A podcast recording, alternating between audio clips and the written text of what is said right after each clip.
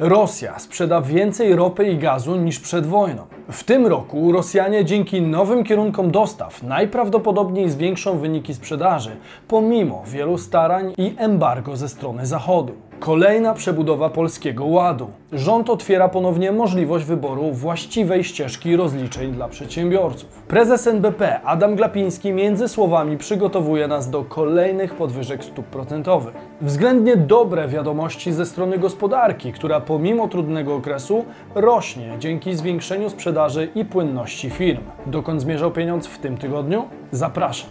Bizweek. Cotygodniowy przegląd świata biznesu i finansów. Cześć, tutaj Damian Olszewski i witam Was serdecznie w programie Praktycznie o Pieniądzach i informacyjnej serii Bizweek. Dzięki niej co tydzień otrzymujecie solidną dawkę wiedzy ze świata biznesu i finansów.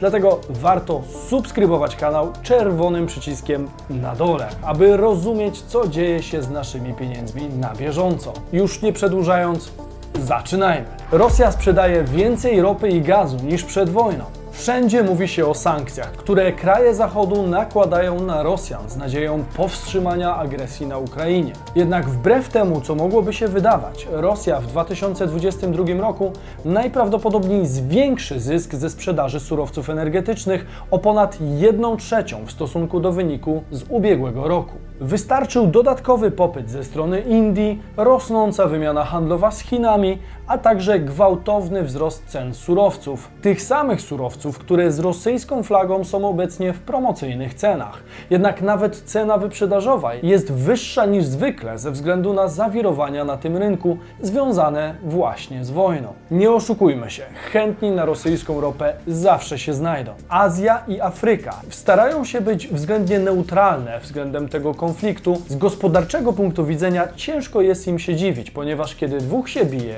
tam trzeci korzysta. Zarówno w Europie, jak i Azji nastąpiła wymiana dostawców, ale ciężko wyobrazić sobie sytuację, w której nikt na całym świecie nie chce korzystać z dostaw z Rosji. Na koniec dnia w wielu przypadkach wygra po prostu cena. Już teraz widać to po statystykach sprzedaży. Od momentu rozpoczęcia inwazji Indie kupiły co najmniej 13 milionów baryłek rosyjskiej ropy, dowiadujemy się z Reutersa. Natomiast w całym 2021 roku Indie kupiły 16 milionów baryłek. Zatem pewnie do końca kwietnia pobiją wynik z zeszłego roku. Kierunki dostaw się zmieniają, ale dostawy nadal są i będą realizowane. Według Bloomberga w 2022 roku Rosja ma zarobić na eksporcie energii około 321 miliardów dolarów, czyli o ponad 1 trzecią więcej niż w 2021. Wspominałem o tym także wczoraj w odcinku o tym, dlaczego rosyjski rubel rośnie na wartości. Opisałem w nim dla Was, jakich sztuczek i metod używa w obecnej chwili Putin, aby podtrzymać kurs rubla na odpowiednim poziomie. Warto obejrzeć odcinek tutaj, jeżeli jeszcze się z nim nie zapoznaliście. Łatanie Polskiego Ładu trwa. Rząd znowu zmienia zasady. Księgowi chyba po raz kolejny nie będą mieli spokojnych świąt. Łatanie Polskiego Ładu trwa w najlepsze i rząd znowu zmienia zasady gry. Podczas środowej konferencji prasowej nowy wiceminister finansów Artur Soboń przedstawił szczegóły zmian podatkowych, które wejdą w życie od 1 lipca. Dotyczą one m.in. przedsiębiorców, którzy będą mieli ponownie możliwość wyboru formy opodatkowania. Projekt naprawy tzw. Tak Polskiego Ładu jest na coraz większym poziomie zaawansowania. Flagowym pomysłem jest obniżenie podatku PIT z 17 do 12% w przypadku skali podatkowej. Obniżona 12% stawka podatku PIT wejdzie w życie 1 lipca 2022 roku. Przedsiębiorcy chcący zmienić formę opodatkowania, aby jeszcze w tym roku móc z niej skorzystać, będą mogli to uczynić i złożyć stosowne oświadczenie do 22 sierpnia 2022 roku. Natomiast pozostali będą mogli zmienić formę opodatkowania w rozliczeniu rocznym, czyli do 30 kwietnia 2023. Wspomniał wiceminister finansów. Te zmiany, czyli obniżenie PIT-u do 12%, likwidacja ulgi dla klasy średniej, powrót do wspólnego rozliczenia z dzieckiem dla samotnych rodziców oraz zmiany w składce zdrowotnej dla przedsiębiorców są de facto zakończeniem nieudanego polskiego ładu. Reasumując środową wypowiedź, można stwierdzić, że Ministerstwo Finansów chce dać przedsiębiorcom dwie możliwości zmiany formy opodatkowania. Już w sierpniu, aby stosować 12% PIT od 1 lipca 2022 lub w rozliczeniu rocznym do 30 kwietnia 2022. W ten sposób będzie można skorzystać wstecznie. Na plus na pewno należy odnotować to, że rządzący w końcu poszli po rozum do głowy i przyznali się do błędu. W tej chwili natomiast pożar, który sami wywołali, starają się również sami ugasić, przynajmniej szczątkowo. Dobra nasza, jeśli to się finalnie uda, ale pamiętajmy, kto ten pożar od samego początku wywołał. Na pierwszy rzut oka proponowane zmiany mają sens, natomiast należy na nie patrzeć z przymrużeniem oka, póki realnie nie wejdą w życie. Polski Ład też miał przecież wzbogacić 18 milionów Polaków, którzy do tej pory są poszukiwani. Prezes NBP określa stopy procentowe relatywnie niskimi, co zwiastuje dalszy rajd w górę. Tydzień temu informowałem Was na temat sporej podwyżki stóp procentowych, które po wzroście o 100 punktów bazowych wynoszą już 4,5% i generują coraz to większe problemy u kredytobiorców. Podwyżki stóp używamy jednak w nadziei na wyhamowanie inflacji, co jest w interesie nas wszystkich.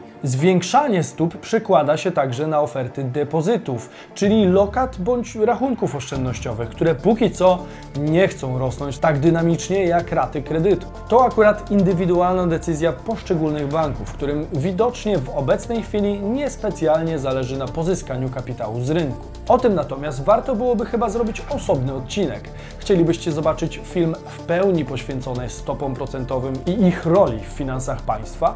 Dajcie znać w komentarzu. W środę odbyło się posiedzenie Sejmowej Komisji Finansów Publicznych, podczas której Glapiński zapewniał, że podnosząc odpowiednio stopy procentowe, bank centralny chce, aby po ustaniu głównych szoków pandemicznych i po ustabilizowaniu się cen na wysokim poziomie, inflacja nie rozlała się na całą gospodarkę. Prezes NBP uważa, że poziom stóp procentowych jest relatywnie niski, biorąc pod uwagę ostatnie lata i dziesięciolecia naszej gospodarki. Patrząc sucho na wykres, trudno się z tym nie zgodzić. Jednakże nie można do końca porównywać tych okresów, w szczególności z uwagi na zupełnie inny poziom rozwoju polskiej gospodarki oraz z powodu postpandemicznego okresu. Prezes Glapiński wymienił kolejno, że w czasie kadencji rządu Donalda Tuska maksymalna stopa referencyjna wynosiła 6%, a średnio wynosiła 4% za prezesa Marka Belki 6,5%. W okresie rządów całej Platformy Obywatelskiej i PSL-u to było 6% maksymalnie. W okresie rządu Leszka Millera maksymalna stopa referencyjna wynosiła 14,5%, a średnia 7,3%. Ponadto wspomniał również, że obecnie mierzymy się z dodatkowym wyzwaniem, czyli atakiem Rosji na Ukrainę, który spowodował gwałtowny dodatkowy wzrost cen surowców oraz paliw. Prezes Banku Centralnego zauważył, że także surowce rolne systematycznie drożeją i jego zdaniem będą drożeć głównie z powodu tego, że kraje konfliktu odpowiadają za 25% światowej produkcji pszenicy. O tym mówiłem w jednym z poprzednich odcinków. Wypowiedzi Glapińskiego można uznać za usprawiedliwienie rosnącej inflacji, podwyżek stóp procentowych, ale i zapowiedź dalszych wzrostów głównej stopy procentowej. Warto też przytoczyć, dlaczego w ogóle prezes NBP brał udział w posiedzeniu Sejmowej Komisji Finansów. Mianowicie ta komisja ma zaopiniować wniosek prezydenta Andrzeja Dudy o powołanie Adama Glapińskiego na prezesa NBP na drugą kadencję. Prezydent złożył wniosek w styczniu, a kadencja Glapińskiego upływa w czerwcu. Gdyby to od Was zależało przedłużenie kadencji obecnego prezesa NBP, to jaka byłaby Wasza decyzja? Przedłużamy, czy szukamy nowego człowieka do tej roli? Dajcie znać w komentarzu. Gospodarka rośnie dzięki wzrostowi sprzedaży. Czy to dobrze? Na podstawie danych Polskiego Instytutu Ekonomicznego w kwietniu koniunktura w gospodarce polepszyła się, głównie dzięki sprzedaży i płynności firm. Miesięczny indeks koniunktury Polskiego Instytutu Ekonomicznego i Banku Gospodarstwa Krajowego wzrósł w kwietniu bieżącego roku wobec poprzedniego miesiąca o 6,2 punkty do 108,6 punktów. Na początku warto jednak przypomnieć, czym jest ten indeks. Miesięczny indeks koniunktury MIG jest wskaźnikiem badającym nastroje polskich przedsiębiorców został opracowany przez Polski Instytut Ekonomiczny we współpracy z Bankiem Gospodarstwa Krajowego. Poziomem neutralnym MIG jest 100 punktów. Wynik powyżej tej wartości oznacza poprawę koniunktury, a poniżej oznacza jej pogorszenie. Jak wspomniałem na początku, w kwietniu MIG wzrósł do 108,6 punktów, czyli o 6,2 punkta w porównaniu z marcem i o 11,5 punktów wobec ubiegłorocznego odczytu kwietniowego.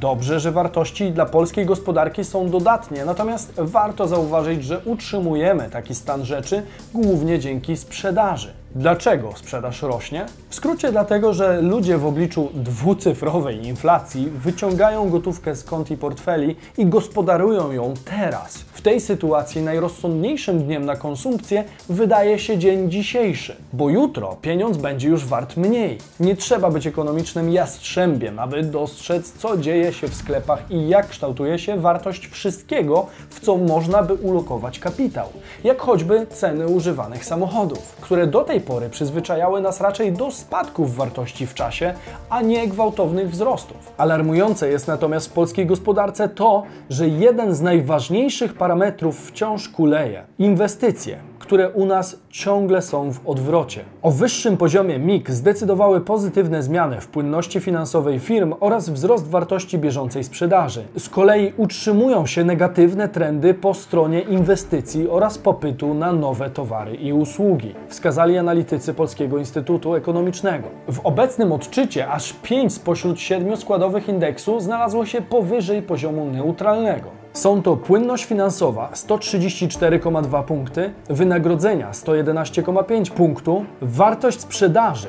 109,9 punktu, zatrudnienie 107,8 punktu oraz moce produkcyjne 102,2 punkty. Pod kreską znalazły się nowe zamówienia 99 punktów oraz przede wszystkim nakłady inwestycyjne, których odczyt wskazał zaledwie 95,4%. Niestety bez inwestycji będzie ciężko przywrócić gospodarkę na lepsze tory po okresie pandemicznym oraz po obecnym okresie niepewności geopolitycznej. Ponadto warto wskazać, że od stycznia 2021 roku nakłady inwestycyjne nie przekroczyły progu neutralnego. To oznacza ciągły spadek. Analitycy zwrócili uwagę, że ogólny wskaźnik koniunktury utrzymuje się powyżej poziomu neutralnego, co oznacza, że przeważają pozytywne nastroje przedsiębiorców. Wskazali jednak, że niestety poprawa nastrojów nie jest widoczna we wszystkich branżach. Najnowsze dane Polskiego Instytutu Ekonomicznego wskazują, że pogorszyły się nastroje w firmach produkcyjnych i usługowych. Na nastroje przedsiębiorców pozytywnie mogło wpłynąć zniesienie obostrzeń dla biznesu związanych z pandemią COVID-19. Ogólnie pozytywny obraz sytuacji polskich firm ma jednak swoje cienie, które mogą sygnalizować możliwość pogorszenia sytuacji przedsiębiorstw w przyszłości. Agresja Rosji na Ukrainę przyniosła nowe zagrożenia dla przedsiębiorców. Można przypuszczać, że przedłużająca się wojna będzie negatywnie wpływać na koniunkturę, wzrost kosztów wytworzenia czy łańcuchy dostaw. Kluczowy dla polskiej gospodarki może się okazać majowy odczyt, który wskaże, czy poprawa sytuacji gospodarczej jest stałym trendem, czy jedynie odchyleniem od reguły. Mówił Damian Olszewski, a to był Bizweek, wasz cotygodniowy przegląd najważniejszych wydarzeń ze świata biznesu i finansów. Warto subskrybować kanał czerwonym przyciskiem na dole, aby wiedzieć, dokąd zmierzał pieniądz. Zostawcie komentarz hashtag Bizweek, jeżeli doceniacie naszą pracę i do zobaczenia w sobotę i niedzielę o 15. Cześć!